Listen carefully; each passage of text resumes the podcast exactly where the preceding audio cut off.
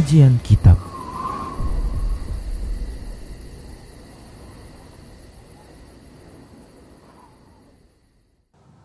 Bismillah, Assalamualaikum warahmatullahi wabarakatuh. Innal hamdalillah nahmaduhu wa nasta'inuhu wa nastaghfiruh wa na'udzu billahi min shururi anfusina wa min sayyiati a'malina من يهده الله فلا مضل له ومن يضلله فلا هادي له واشهد ان لا اله الا الله وحده لا شريك له واشهد ان محمدا عبده ورسوله صلى الله عليه وسلم قال الله تبارك وتعالى يا ايها الذين امنوا اتقوا الله حق تقاته ولا تموتن الا وأنتم مسلمون يا أيها الناس اتقوا ربكم الذي خلقكم من نفس واحدة وخلق منها زوجها وبث منهما رجالا كثيرا ونساء واتقوا الله الذي تساءلون به والأرحام إن الله كان عليكم رقيبا يا أيها الذين آمنوا اتقوا الله وقولوا قولا سديدا يصلح لكم أعمالكم ويغفر لكم ذنوبكم ومن يطع الله ورسوله فقد فاز فوزا عظيما أما بعد فإن أصدق الحديث كتاب الله وخير الهدى هدى رسول الله صلى الله عليه وسلم وشر الأمور محدثاتها وكل محدثة بدعة وكل بدعة ضلالة وكل ضلالة في النار Para pemirsa Rosyad TV dan para pendengar radio Medan Mengaji di mana saja Anda berada rahimani wa rahimakumullah.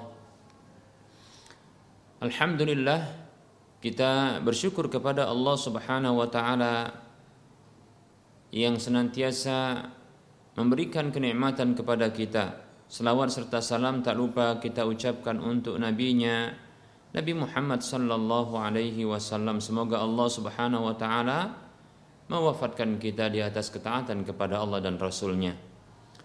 Para hamba Allah rahimani wa rahimakumullah. Kita akan lanjutkan pembahasan kitab Minhajul Muslim masih bahas tentang akidah dan kita juga masih menjelaskan tentang sikap seorang muslim terhadap para sahabat-sahabat Nabi Shallallahu Alaihi Wasallam yaitu orang-orang yang mereka hidup di zaman Nabi bertemu dengan Nabi beriman dengan apa yang dibawa oleh Nabi dan wafat di atas keimanan tersebut para hamba Allah rahimani wa rahimakumullah di antara para sahabat tersebut adalah para istri-istri Nabi Shallallahu Alaihi Wasallam. Para istri Nabi Shallallahu Alaihi Wasallam. Nah, tentunya mereka ini adalah orang-orang yang beriman kepada Nabi Shallallahu Alaihi Wasallam. Beriman kepada Nabi Shallallahu Alaihi Wasallam dan beriman terhadap apa yang dibawa oleh Nabi Shallallahu Alaihi Wasallam bahkan mereka menyertai Nabi Shallallahu Alaihi Wasallam berada di sisi Nabi Shallallahu Alaihi Wasallam. Mereka hidup di sekitar Nabi Shallallahu Alaihi Wasallam, bahkan sangat dekat dengan Nabi Shallallahu Alaihi Wasallam. Itulah istri-istri Nabi Shallallahu Alaihi Wasallam. Yang mereka ini semuanya adalah wanita yang suci, karena tidak mungkin Allah Subhanahu Wa Taala memilih, tidak mungkin Allah Subhanahu wa taala salah pilih. Untuk menjadikan wanita-wanita yang suci ini sebagai istri-istri Nabi Shallallahu Alaihi Wasallam karena kesucian Nabi Shallallahu Alaihi Wasallam. Tentunya para istri Nabi Shallallahu Alaihi Wasallam adalah wanita-wanita yang suci.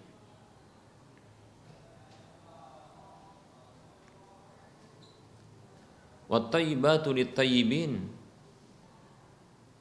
Wanita-wanita yang suci itu, yang bersih dan baik itu, ya, untuk laki-laki yang baik, yang suci lagi bersih. Demikian para hamba Allah rahimani wa rahimakumullah.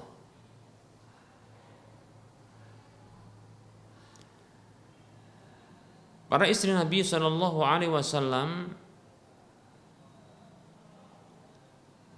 mereka disebut juga dengan ummahatul mukminin yaitu ibu-ibunya orang-orang beriman karena sesungguhnya Allah Subhanahu wa taala yang menyematkan hal itu untuk mereka. Allah Subhanahu wa taala berfirman di dalam surah Al-Ahzab ayat 6 Allah mengatakan a'udzu billahi minasyaitonir rajim. An-nabiyyu aula bil mu'minina wa min An-nabiyyu aula bil mu'minina min anfusihim wa azwajuhu ummahatuhum Kata Allah Subhanahu wa taala dalam surah Al-Ahzab ayat 6 Nabi sallallahu alaihi wasallam lebih utama terhadap orang-orang beriman ketimbang diri-diri mereka sendiri sementara para istrinya adalah ibu-ibu mereka. Baik para hamba Allah rahimani wa rahimakumullah. Nah ini penetapan Nabi Shallallahu alaihi wasallam penetapan untuk istri Nabi Shallallahu alaihi wasallam yang mereka ini ya digelari oleh Allah Subhanahu wa taala dengan ummahatul mukminin ibu-ibu bagi orang-orang beriman. Oleh karenanya, keutamaan seorang ibu ini begitu besar ya bagi anak-anaknya. Maka demikian pula istri-istri Nabi SAW ini begitu besar keutamaannya ya di sisi para orang-orang beriman, baik para hamba Allah rahimani wa rahimakumullah.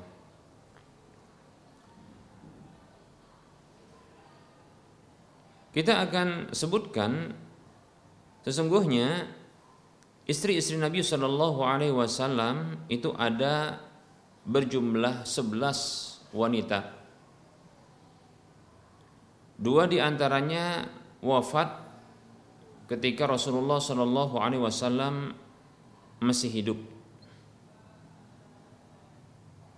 dan sisanya yaitu sembilan orang istri ini masih bersama beliau bahkan beliau wafat meninggalkan sembilan orang istri. Di antara para istri tersebut yang utama yang paling afdol adalah Khadijah bintu Khuwailid radhiyallahu anha dan Aisyah bintu Abi Bakrin radhiyallahu anhuma. Baik para hamba Allah rahimani wa rahimakumullah. Berikut ini kita akan mencoba mengenali istri-istri Nabi Shallallahu Alaihi Wasallam yang mereka ini adalah ibu-ibu bagi kita orang-orang beriman. Ya, tentunya mengenali istri Nabi Sallallahu Alaihi Wasallam ini sangat penting karena ini merupakan bentuk mengenali ya ibu-ibu orang beriman dan kita mengaku orang-orang beriman. Ya, siapakah ibu-ibu orang beriman itu yang kita termasuk di antara orang-orang beriman tersebut? Baik para hamba Allah rahimani warahmatullah, 11 istri Nabi. Dua di antaranya wafat di masa hidup Nabi Shallallahu Alaihi Wasallam dan sembilan istri Nabi Shallallahu Alaihi Wasallam itu bersama dengan Nabi bahkan sampai tatkala Rasulullah Nabi kita Muhammad SAW wafat maka mereka adalah istri yang ditinggal oleh Nabi SAW dalam kondisi beliau wafat. Baik, yang paling afdol adalah ya Khadijah binti Khuwailid dan Aisyah binti Abi Bakar radhiyallahu anhum. Baik, kita sebutkan yang pertama Khadijah binti Khuwailid yang beliau adalah ya, bersuku Quraisy dari kabilah Asad ya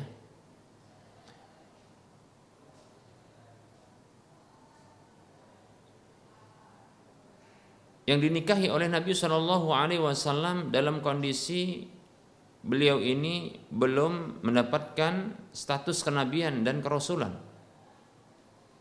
Nah, ketika itu umur beliau adalah 40 tahun, walaupun di sini ada perbedaan pendapat ya. Namun kita sebutkan saja yang paling rojih, yang paling kuat ya. Dan beliau Shallallahu Alaihi Wasallam tidak menikah dengan yang lainnya semasa hidup Khadijah radhiyallahu anha.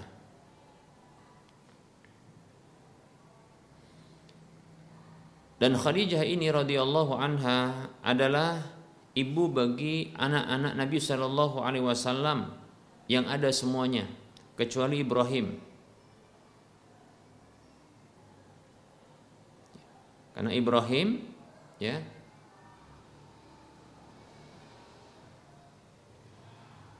ini berasal dari wanita yang lain ya wanita yang lain yaitu berasal dari ya Maria ya Al-Qibtiyah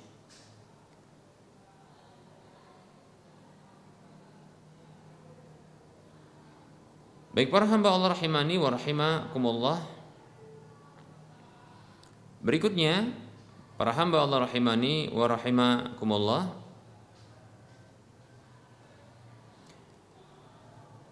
Khadijah radhiyallahu anha adalah istri yang pertama sekali beriman di antara istri-istri Nabi Shallallahu Alaihi Wasallam. Bahkan beliaulah istri ya, yang mengorbankan harta beliau untuk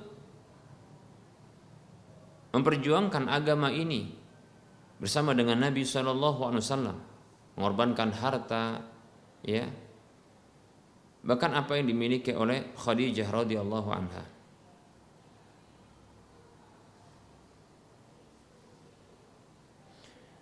Dan Khadijah radhiyallahu anha wafat tiga tahun sebelum hijrah.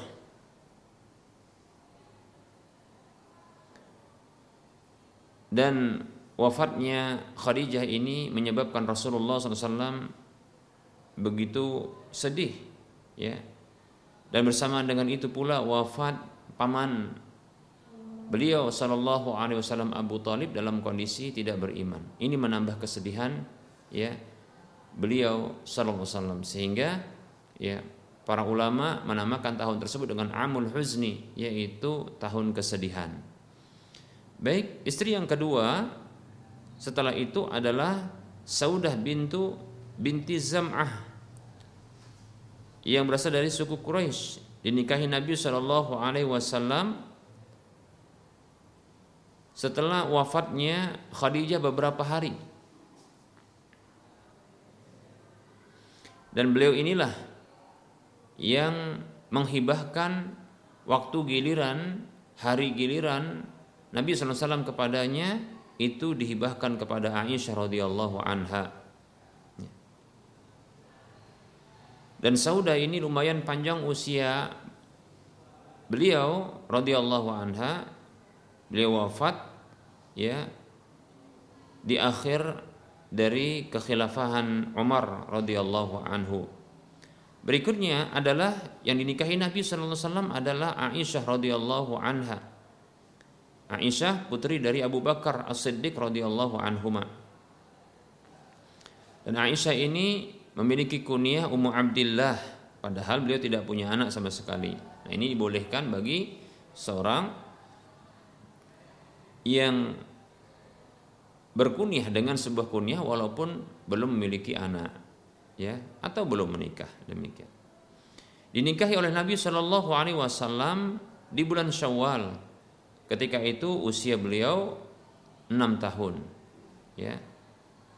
Dan Nabi SAW menggauli beliau itu di bulan Syawal juga, namun ya di tahun pertama dari hijrah, ya dan usianya ketika itu usia beliau adalah 9 tahun. Nah, ketika itu beliau sudah mengalami haid.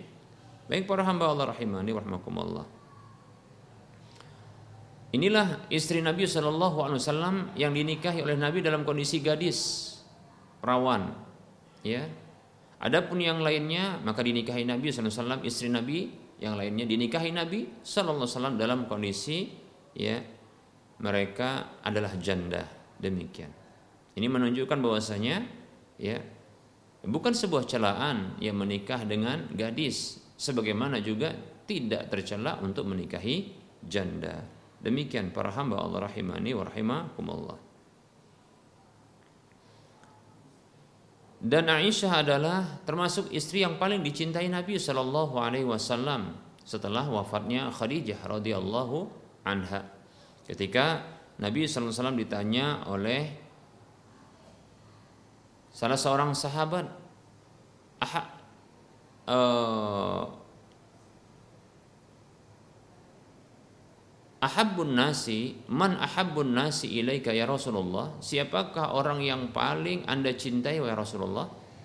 Maka Rasul mengatakan Abu Bakrin, Abu Bakar radhiyallahu an. Minan nisa dari kalangan wanita ibnatuhu kata Nabi SAW putrinya yaitu Aisyah radhiyallahu anha. Demikian para hamba Allah rahimani wa rahimakumullah.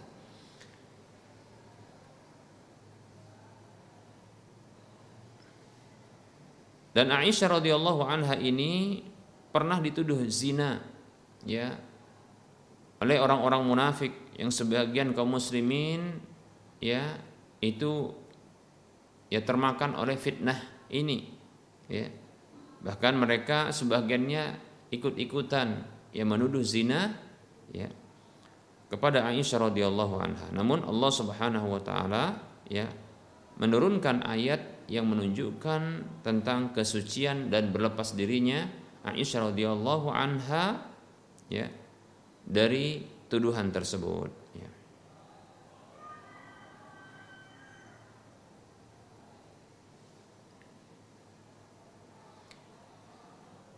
Baik Aisyah radhiyallahu anha itu wafat di tahun ke-57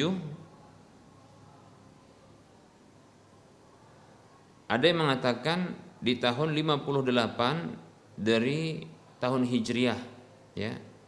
Tepatnya di bulan Ramadan. Jadi ada perbedaan pendapat, ada yang mengatakan 57, ada yang mengatakan 58 Hijriah. Namun untuk bulannya disepakati yaitu di bulan Ramadan. Wallahu taala alam.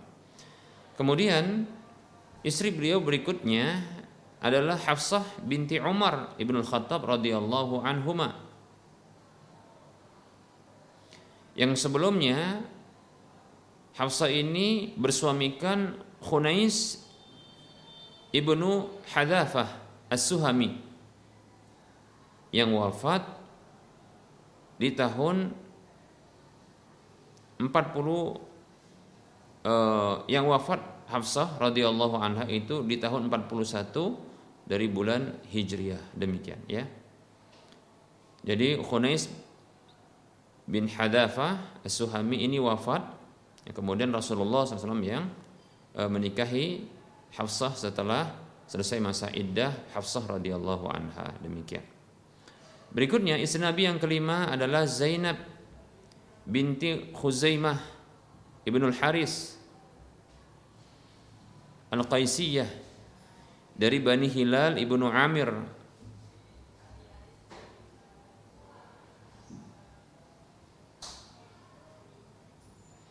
Dan wafatnya Zainab bintu Khuzaimah ini radhiyallahu anha itu setelah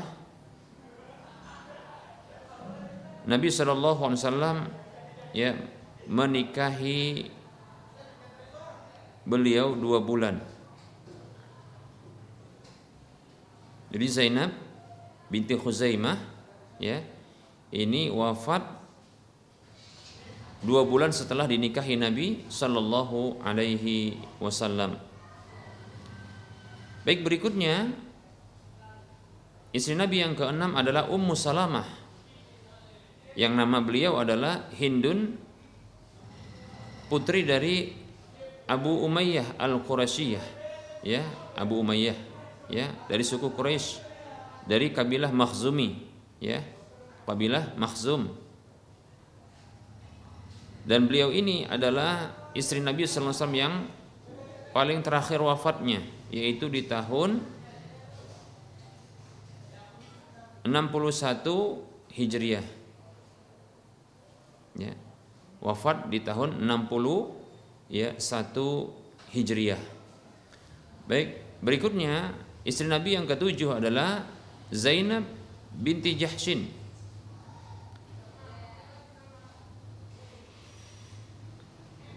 Dari uh, kabilah Asad Bani Khuzaimah.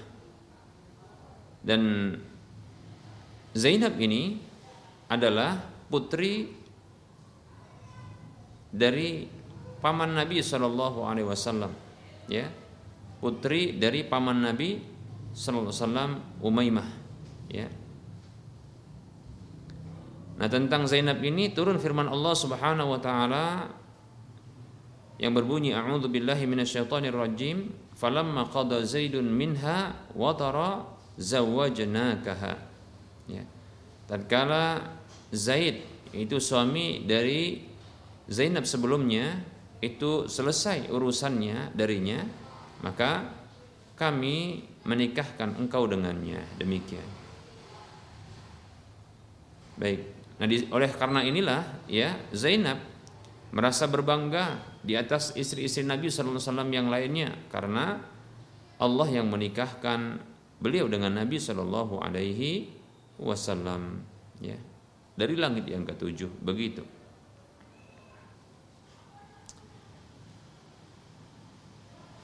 dan beliau yaitu Zainab binti Jahshin radhiyallahu anha wafat di tahun ke-21 Hijriah. Baik istri Nabi berikutnya adalah Juwairiyah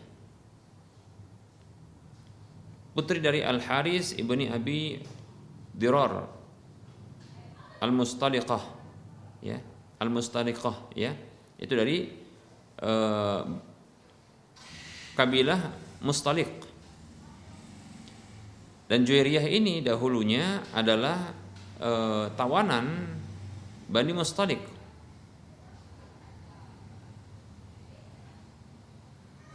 lalu datang Juwairiyah ini kepada Nabi sallallahu alaihi wasallam ya untuk menebus dirinya dari e, tawanan tersebut. Maka Nabi Shallallahu Alaihi Wasallam yang menebusnya lalu menikahinya demikian ya.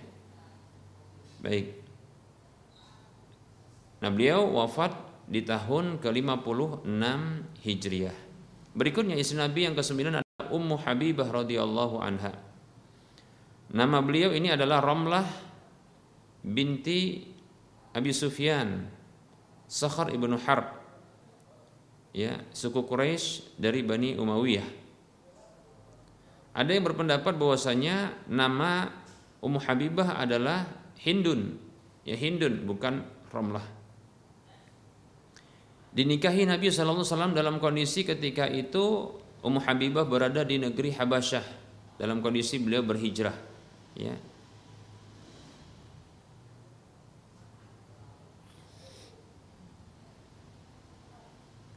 Kemudian yang menikahkannya adalah Najasyi.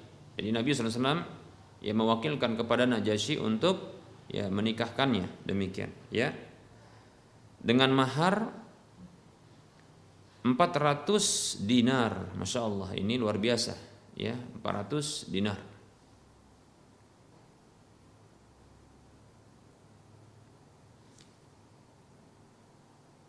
Ummu Habibah radhiyallahu anha wafat di tahun kekhilafahan dari saudaranya yaitu Muawiyah bin Abi Sufyan di tahun 44 Hijriah.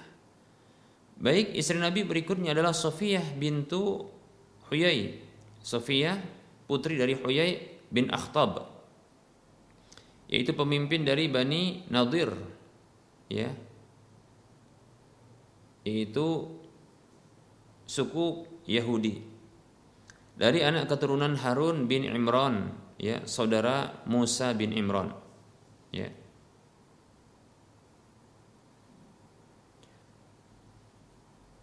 Dan Safiyah binti Huyai ini radhiyallahu anha sebelumnya adalah tawanan ya. Lalu Nabi SAW membebaskan beliau lalu menikahi beliau ya dan menjadikan pembebasan tersebut sebagai maharnya.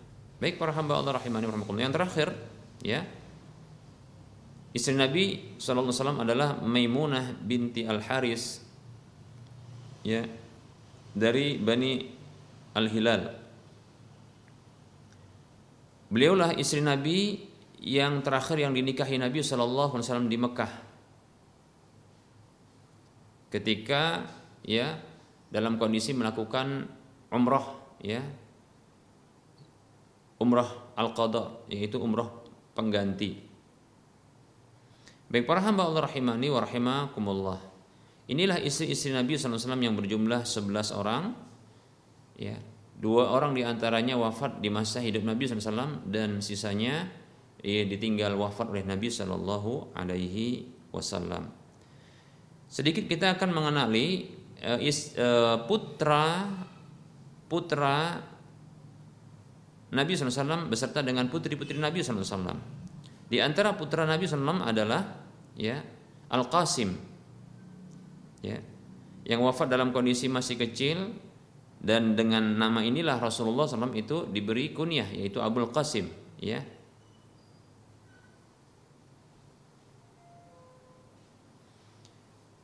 Kemudian yang kedua adalah Abdullah. Ya, ada yang di antara anak Nabi adalah Abdullah. Para ulama berbeda pendapat tentang kelahirannya. Apakah beliau ini itu Abdullah wafat sebelum kenabian atau setelah kenabian? Ya. Wallahu taala alam. Ya. Ada yang mengatakan ya tentunya beliau ini adalah ya seorang yang baik yang suci ya artinya mati dalam kondisi atau wafat dalam kondisi masih kecil. Kemudian putra beliau berikutnya adalah Ibrahim yang dilahirkan di Madinah ya uh, yang ibunya adalah Maria Al-Qibtiyah di tahun ke-8 Hijriyah dan wafat juga masih kecil ya. Bahkan sebelum ya uh, sebelum lepas dari susuan ya demikian Baik para hamba Allah rahimani wa rahimakumullah Berikutnya kita akan mengenali putri-putri Nabi SAW Di antaranya adalah Zainab Ruqayyah, Ummu Kulsum, kemudian Fatimah. Dan kesemuanya ini ya keempat anak beliau ini ya yang putri ini itu semuanya berasal dari satu ibu yaitu Khadijah radhiyallahu anha. Demikian. Seluruh anak-anak Nabi SAW baik yang putra maupun putri itu wafat ya sebelum Nabi SAW wafat ya. Kecuali Fatimah. Beliau wafat setelah Nabi Shallallahu Alaihi Wasallam ya. Yaitu sekitar enam bulan setelah wafatnya Nabi Shallallahu Alaihi Wasallam. Baik para hamba Allah rahimani rahmatullah ini eh, sedikit penjelasan tentang keluarga Nabi Shallallahu Alaihi Wasallam baik itu istri dan begitu juga putra dan putri Nabi Shallallahu Alaihi Wasallam ya semoga ya ini semakin menambah ya pengagungan kita, kecintaan kita kepada keluarga Nabi Shallallahu Alaihi Wasallam, termasuk di antaranya adalah istri-istri Nabi Shallallahu Alaihi Wasallam. Ya. Yang wajib kita imani mereka itu adalah ya wanita-wanita beriman, ya kemudian suci dan disucikan oleh Allah Subhanahu wa taala dan mereka adalah ya wanita-wanita yang terhormat ya wanita-wanita yang afdol ya di zamannya wallahu taala a'lam. Baik, kita buka sesi soal jawab bagi yang mau bertanya. Silahkan uh, ajukan pertanyaan lewat chatting WhatsApp di nomor 08 22 8888 6630 ya. Silahkan juga ya di nomor yang lain yaitu 0852 6190 4177 baik para hamba Allah rahimani warahmatullah kita buka sesi soal jawab untuk pertanyaan yang sudah masuk terlebih dahulu. Baik ada pertanyaan. Assalamualaikum warahmatullahi wabarakatuh. Afan Ustadz mau bertanya. Kalau akikah anak perempuan itu kan satu ekor ya ditetapkan. E, jantan atau betina ya. Maksudnya e, satu ekor kambing itu jantan atau betina. Demikian. Mohon penjelasannya Ustadz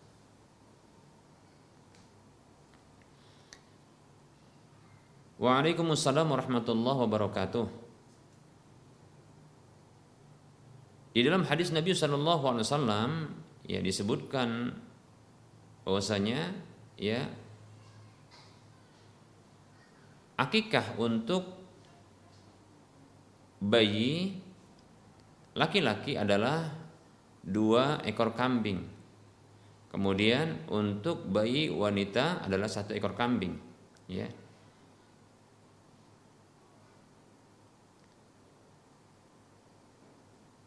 Nabi Shallallahu Alaihi Wasallam beliau e, bersabda, "Kullu mauludin murtahinun bi aqiqatihi." Atau kama qala alaihi wasallam. Setiap anak yaitu tergadai ya dengan akikahnya. Anil jariyati syatun untuk bayi perempuan satu ekor kambing. Wa anil gulami syatani mukafiatani. Sementara untuk bayi laki-laki adalah dua ekor kambing yang sebanding yang setara. Demikian. Baik ya. Para hamba Allah rahimani rahimakumullah. Di sini disebutkan dengan kambing yaitu dia eh, jenis hewan kambing Adapun jenis kelaminnya, wallahu taala alam tidak disebutkan. Ya. Maka itu bisa berlaku laki-laki, ah, jantan ataupun betina. Demikian ya. Tentunya semakin mahal itu semakin bagus ya karena di sana tentunya e, pengorbanannya lebih ya. Demikian. Hewan jantan biasanya lebih mahal ketimbang hewan betina. Maka kalau ditanya mana lebih afdol, jantan ataukah betina? Maka jantan tentunya ya. ya ketimbang betina. Tapi bukan berarti tidak sah apabila ya berakikah dengan hewan kambing yang jenis kelaminnya adalah betina ya. Insya Allah sah ya wallahu taala alam. Mengapa demikian? Karena jenis kelamin ya hewan tidaklah memberikan pengaruh bagi keabsahan keabsahan ya akikah tersebut. Wallahu taala a'lam.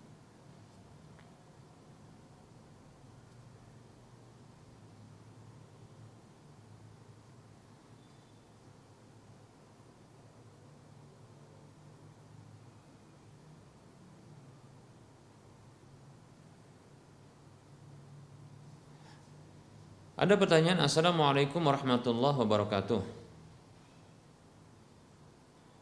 Afan Ustaz mau minta sedikit penjelasan tentang bahayanya filsafat Islam. Soalnya ada teman saya yang dikhawatirkan terjerumus ke dalamnya.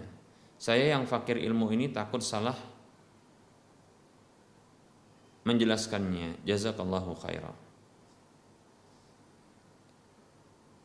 Waalaikumsalam warahmatullahi wabarakatuh Sesungguhnya filsafat itu bukan bagian dari Islam. Sehingga tidak layak Islam yang sempurna ini diadopsi ke dalamnya sesuatu yang bukan darinya. Tidak ada filsafat di dalam Islam. Yang ada adalah ajaran Islam. Karena Islam adalah agama yang telah sempurna dan disempurnakan oleh Allah Subhanahu wa taala. Allah Subhanahu wa taala berfirman di dalam surah Al-Maidah ayat 3 A'udzu billahi minasyaitonir rajim Al-yauma akmaltu lakum dinakum wa atmamtu 'alaikum ni'mati wa raditu lakumul Islam. Pada hari ini aku telah sempurnakan agama kalian untuk kalian dan aku cukupkan nikmatku atas kalian dan aku ridhoi Islam sebagai agama bagi kalian. Islam adalah agama yang sempurna. Maka tidak butuh kepada penambahan dan tidak butuh kepada pengurangan. Tidak perlu ya dan tidak butuh kepada apa saja yang di luar Islam untuk disisipkan dan dimasukkan, diadopsikan kepada Islam. Tidak butuh. Ya. Siapa saja yang memasukkan sesuatu ke dalam Islam, maka sesungguhnya ini merupakan bentuk pelanggaran.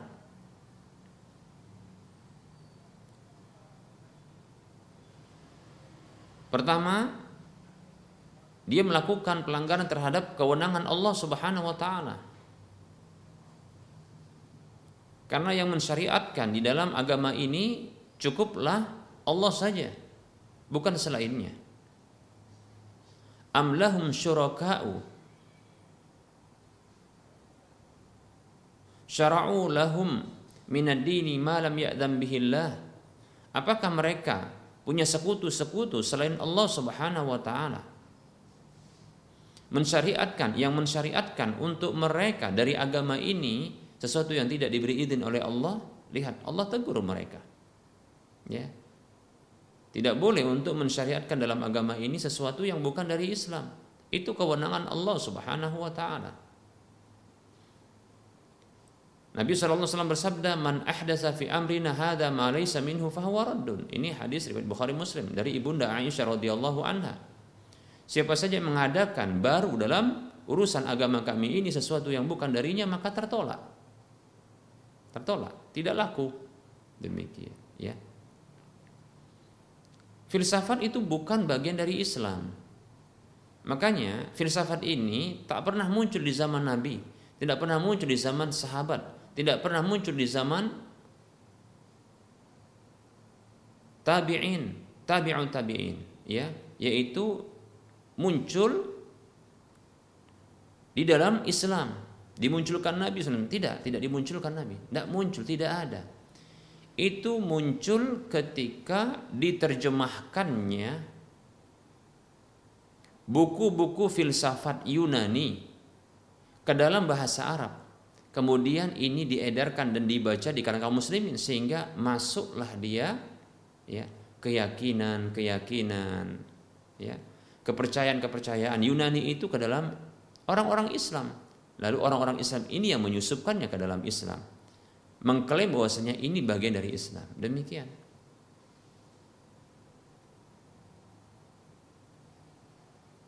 Kalau tidak salah itu di zamannya Makmun Semoga Allah merahmati beliau dan mengampuni beliau. Ya. Dalam kekhilafannya makmun demikian. Semoga Allah mengampuni beliau dan merahmati beliau. Ya. Baik ya. Jadi tidak ada sesungguhnya. Ini menunjukkan bahwasanya ya filsafat itu sesuatu yang baru, baru muncul dan itu tertolak. Dan Allah tidak ridho. Demikian. Baik para hamba Allah rahimani wa rahimakumullah.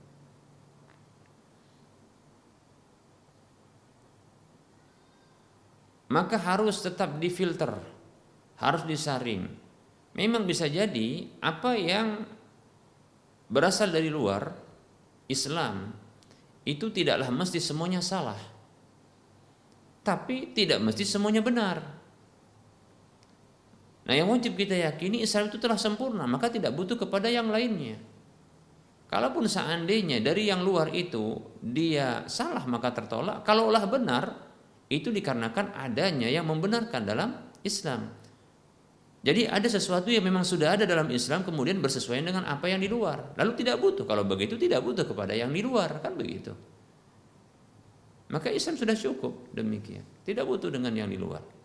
Jadi tidak tidak ada ya filsafat Islam itu. Yang ada malah rancu. Filsafat kemudian Islam. Ini dua hal yang berbeda. Kenapa disatukan dan disandingkan? Ini sesuatu yang sangat rancu. Ya.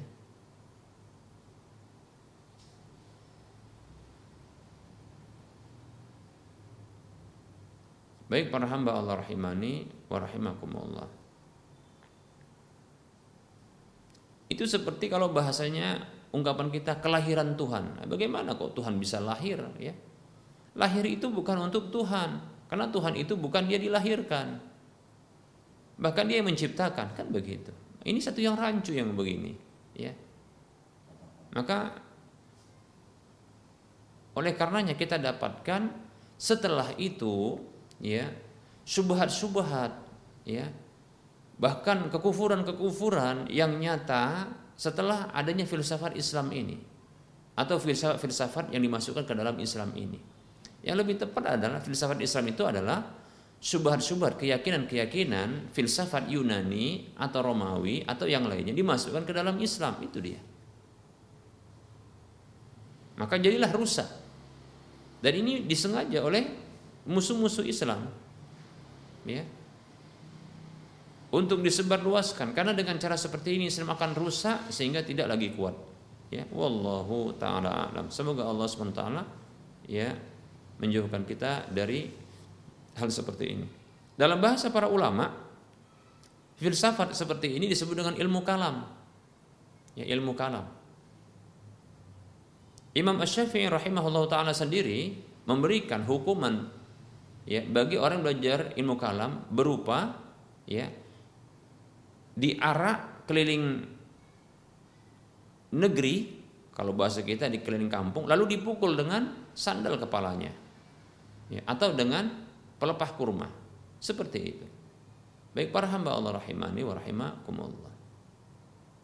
Ya nah ini sebaiknya kita tinggalkan. Tidak perlu kita belajar filsafat Islam. Cukup kita belajar Islam saja. Itu sudah sudah bagus. Ya demikian. Wallahu taala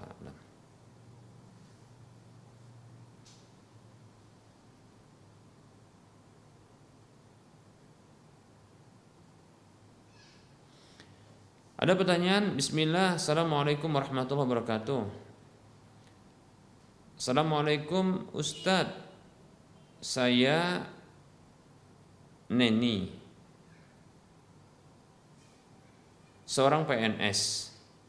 Bagaimana hukumnya mengganti jam kerja yang saya pakai untuk menjemput anak atau ada kepentingan pribadi? Misalnya begini, Ustaz, jam kerja saya adalah jam 8 sampai jam 1 30. Tapi jam 11 saya harus menjemput anak ke sekolah. Jadi kurang 15 menit waktunya. Jadi anak tambah, saya tambah jam kerja sampai jam 1.45. Ya. Apakah dibolehkan Ustadz?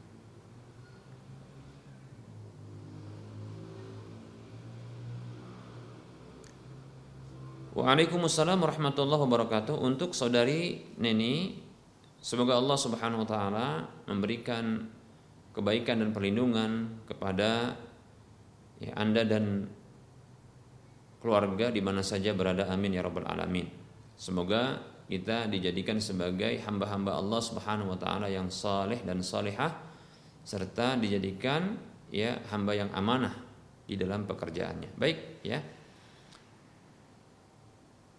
Sesungguhnya hal ini ya butuh ditanyakan kepada pihak yang memberikan pekerjaan. Dalam hal ini adalah pemerintah sendiri. Apakah hal itu dibenarkan atau tidak? Bukan ditanyakan kepada ya kepada orang yang tidak berkecimpung langsung atau tidak memiliki kewenangan langsung dalam hal tersebut seperti saya yang tidak punya kewenangan dalam hal ini untuk memberikan keputusan boleh atau tidak bolehnya. Tapi itu dikembalikan kepada kewenangan yang memberikan pekerjaan dalam hal ini adalah pemerintah. Nah, sekarang pemerintah setempat ya, apakah membolehkan demikian? Ya, apakah pemerintah setempat membolehkan demikian?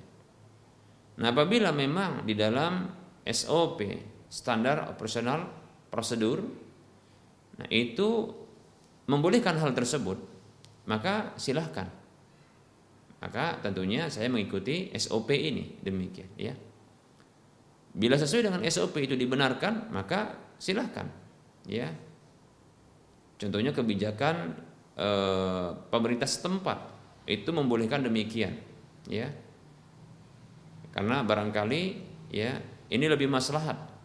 Lalu hal itu dibenarkan sesuai dengan barangkali ketetapan regional e, pemerintah setempat demikian maka silakan. Namun bila tidak dibolehkan, tidak diberikan izin, maka ini merupakan bentuk ya e, korupsi waktu demikian ya, korupsi waktu demikian. Walaupun menambah, adapun menambah barangkali ya mudah-mudahan ya tambahan ini e, sebagai pengurang dosa tersebut ya. Karena memang korupsi merupakan bentuk dosa ya Mencuri waktu itu dosa demikian. Mudah-mudahan itu sebagai pengurangnya. Tapi sesungguhnya cukup ya menanyakan kepada pihak yang berwenang dalam masalah ini ya apakah hal itu dibenarkan ataukah tidak. Bila dibenarkan sesuai dengan SOP-nya maka maka boleh tentunya. Kalau tidak maka tidak boleh. Walaupun dengan cara menambah waktu ya dengan sesuai dengan waktu yang digunakan. Wallahu taala a'lam.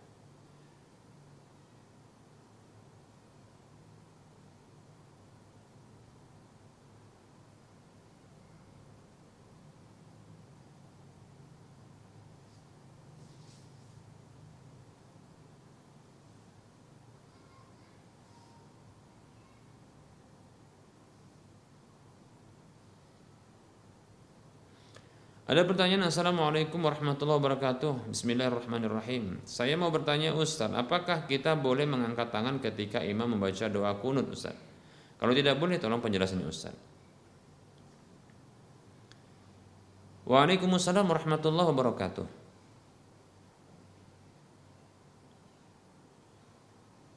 Untuk kunut witir dan kunut nazilah maka memang dianjurkan bagi kita untuk mengangkat ya tangan ketika imam ya berdoa ya berdoa dalam kunutnya. Maka kita mengikutinya ya. Ju'ilal imamu liyu'tama bihi. Innama ju'ilal imamu liyu'tama bihi. Sesungguhnya imam itu dijadikan untuk diikuti. Imam mengangkat tangan maka ya mengangkat tangan pula untuk mengaminkannya. Karena demikian ya setahu saya ada riwayat dari para sahabat radhiyallahu anhum di mana mereka mengangkat tangan tatkala Rasulullah SAW, itu melakukan witir, ya, e, melakukan e, apa namanya doa kunut, ya, seperti itu. Baik para hamba Allah rahimani wa rahimakumullah. Adapun ya kunut subuh maka e, para ulama mereka berbeda pendapat tentang hukum kunut subuh ini. Ya, ada yang mengatakan ya ini adalah bid'ah, ada yang mengatakan ini adalah sunnah, ya. Ini ada, ada yang mengatakan pula ini tidak mengapa, ada yang mengatakan pula ini adalah e, tidak ada syariatnya demikian. Baik para hamba Allah rahimani rahimakumullah. Ulama yang mengatakan itu bid'ah adalah Imam Abu Hanifah dan orang-orang yang sependapat dengan beliau. Yang mengatakan sunnah adalah Imam Asy-Syafi'i dan orang-orang yang sependapat dengan beliau. Yang mengatakan tidak mengapa ini di antaranya adalah Abdullah bin Mubarak radhiyallahu uh, rahimahullah dan yang sependapat dengan beliau. Kemudian yang mengatakan tidak disyariatkan adalah Imam Ahmad dan orang-orang yang sependapat dengan beliau. Demikian, ya. Baik, Allah taala alam, ya bagi orang yang mengatakan itu sunnah, maka sunnah pula untuk mengangkat tangan. Ya, ketika doa kunut subuh. Bagi yang mengatakan itu tidak mengapa, maka tidak mengapa pula. Ya, bahkan ya tentunya mengikuti imam dalam hal tersebut demikian. Bagi mengatakan bid'ah, nah inilah barangkali kita harus berlapang dada ketika mereka tidak mengangkat tangan. Demikian, ya. Begitu juga orang yang mengatakan tidak disyariatkan. Namun, ya, ini permasalahan perbedaan pendapat yang kita toleransi, ya. Bagi ya kaum muslimin saudara kita yang mereka berbeda dengan kita, maka kita hendaknya berlapang dada, ya karena ternyata mereka mengikuti ya pendapat dan fatwa para ulama-ulama ahlu sunnah juga demikian ya. Baik ya semoga ini menjadi pencerahan bagi kita. Wallahu taala a'lam. Baik Para hamba Allah rahimani rahimakumullah, kita cukupkan terlebih dahulu ya penyampaian e, materi. Demikian pula menjawab pertanyaan yang sudah masuk. Insya Allah taala kita akan lanjutkan pada waktu mendatang esok hari insya Allah taala. Tentunya dalam penyampaian ini banyak kesalahan dan kekurangan kepada Allah saya mohon ampun dan kepada para pemirsa sekalian saya mohon maaf dan sebelum kita akhiri seperti biasa kita memberikan motivasi kepada para pemirsa dan para pendengar sekalian, mari kita berdonasi ya untuk membebaskan lahan Masjid Al Muwahhidin untuk wilayah Medan dan sekitarnya. Kekurangan dana 4 miliar sekian uh, rupiah ya. Maka miliki aset akhirat dengan berdonasi untuk pembebasan lahan ini ke Bank Syariah Mandiri atau Bank Syariah Indonesia di nomor 7127 485 555 atas nama Yayasan Lajnah Dakwah Medan kode bank 451. Saya ulangi di kode bank eh, 451 di nomor rekening 7127 485 555 Bank Syariah Mandiri atau Bank Syariah Indonesia atas nama Yayasan Lajana Dakwah Medan. Semoga Anda termotivasi dan semoga bermanfaat apa yang disampaikan ini. Wassalamualaikum warahmatullahi